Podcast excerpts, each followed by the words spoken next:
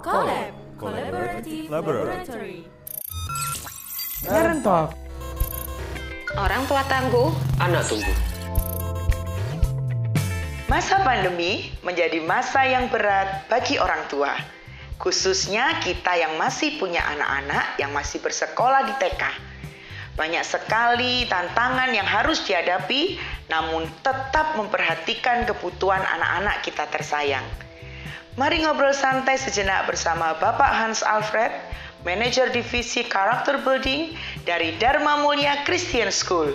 Bagaimana menjadi orang tua tangguh agar anak terus bertumbuh. Kenapa ya kok kita orang tua sudah satu tahun lewat pandemi ini, tapi kita masih masih harus punya ketangguhan.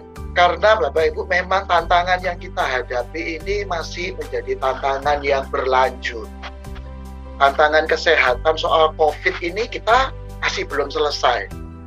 Sudah ada kabar baiknya, ada vaksin, tapi kita juga sudah langsung diperhadapkan pada perubahan-perubahan tantangan-tantangan pendidikan ke depan. Ya, tantangan pendidikan. Sudah setahun, Bapak Ibu guru juga uh, karena situasi ini dipaksa berubah. Bapak Ibu juga perlu diminta untuk berubah. Anak-anak juga diminta. Yang kedua ini soal anak tantangan pertumbuhan dan tantangan psikososialnya mereka sendiri. Ya ini semua bicara soal perubahan-perubahannya.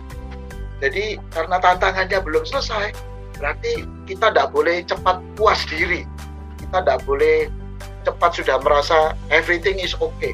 Ternyata masih ada challenge-challenge ke depan yang perlu kita hadapi, Pak. Orang tua tangguh, anak tumbuh.